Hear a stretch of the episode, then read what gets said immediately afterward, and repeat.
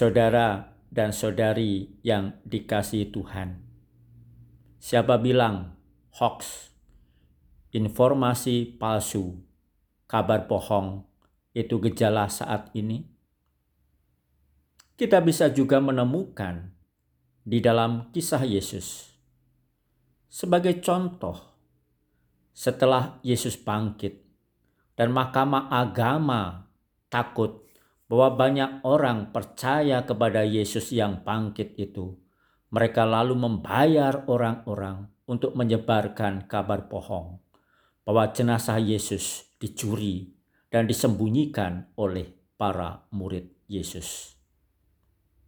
Kabar bohong. Karena apa?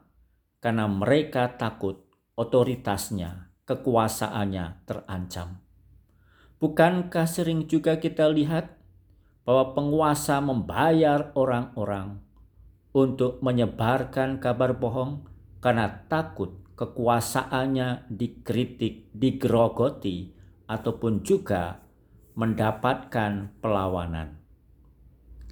Di dalam kisah para rasul dari bacaan pertama, kita juga melihat fakta serupa.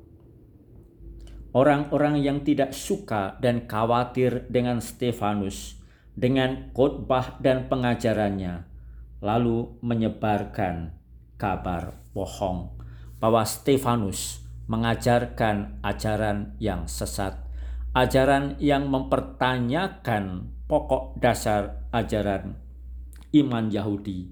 Karena apa? Disebarkan berita bahwa Stefanus menghujat Musa dan Allah. Dosa yang tak terampuni. Maksudnya apa? Untuk bisa menjadi alasan menangkap Stefanus. Lagi-lagi kabar bohong disebarkan.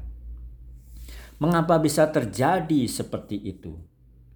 Bisa jadi antara lain selain karena takut kekuasaannya digerogoti, kepentingannya dipertanyakan, namun juga karena orang membangun persepsi, pemikiran, gagasan, dan juga keinginan menurut selera maksud kepentingan dirinya sendiri belaka. Lalu akibatnya, segala sesuatu yang berbeda akan disangkal dan ditolak. Dalam bacaan Injil di Ekaristi hari Senin Paskah yang ketiga dari Injil Yohanes, kita melihat bagaimana orang berbondong-bondong mencari Yesus. Apakah mereka mencari Yesus untuk mendengarkan pengajarannya? Tidak. Mereka mencari Yesus karena roti, karena sembako, karena kenyang maka mereka ingin mendapatkan makanan gratis lagi. Namun, Tuhan tidak menginginkan orang hanya berhenti pada itu belaka, hanya pada sesuatu yang karitatif saja. Tuhan ingin mengajak kita masuk lebih dalam lagi. Dan kita ingat di dalam kisah selanjutnya dari Injil Yohanes itu, banyak orang pergi meninggalkan Yesus. Karena apa? Tuntutan iman, kata-kata Yesus keras dan mengajak orang berubah, meninggalkan kepentingan pikiran dan juga gagasan pribadi. Dan banyak orang tidak siap untuk itu. Dan dalam Injil Yohanes dikatakan bahwa kita diajak untuk keluar dari diri sendiri. Apa artinya keluar dari diri sendiri? Mencari bukan sesuatu yang hanya fana, kenyang, material belaka. Hanya sesuatu yang jasmaniah belaka. Hanya sesuatu yang membuat kita puas secara kasat mata dan secara badani belaka. Kita diajak oleh Tuhan untuk mencari makanan yang membawa kita kepada kehidupan kekal. Makanan yang tidak hanya mengenyangkan di perut, namun makanan yang bertahan sampai hidup yang kekal. Apakah makanan itu? Tidak lain dan tidak bukan adalah percaya kepada Dia yang diutus Bapa. Ya, akhirnya kita diajak untuk melihat pribadi dan pribadi Yesus bukan pribadi diri sendiri dalam gambaran kisah Injil Yohanes itu, kalau kita lebih sibuk memikirkan diri sendiri, maka kita hanya sibuk mencari roti yang mengenyangkan perut belaka, yang memuaskan kebutuhan tubuh dan jasmani belaka. Namun kita diajak keluar dari diri sendiri, melihat, memeluk, dan mengimani Yesus pusatnya bukan diri kita sendiri, bukan diri pribadi kita, pusatnya adalah Yesus. Pusatnya adalah Allah.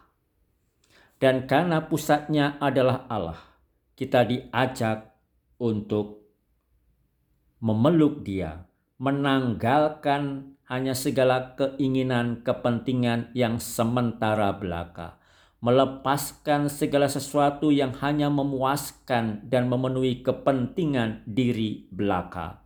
Supaya apa? Supaya kita memeluk kebenaran, bukan kabar bohong.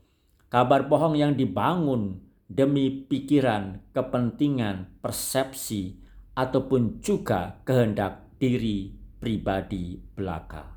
Bukan itu maka keluar dari diri sendiri, menanggalkan diri, dan memeluk Tuhan. Dan karena memeluk Tuhan, maka Tuhan itulah yang diwartakan. Supaya dengan demikian kita semakin mencari sesuatu yang membawa kita kepada hidup abadi, bukan sesuatu yang hanya membuat kita puas diri belaka. Dan Stefanus menunjukkan itu lewat pengajarannya, tetapi juga lewat sikapnya yang tanpa ragu. Maka ketika Stefanus ditangkap dan dihadapkan kepada mahkamah agama, maka orang melihat bahwa Stefanus wajahnya seperti malaikat.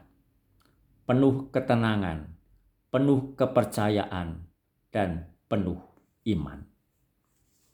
Saudari dan saudara, masa karantina, masa lockdown, masa pandemi ini mengajak kita untuk bertanya bahwa ternyata segala sesuatu yang jasmaniah dan material belaka tidak menjamin apa-apa.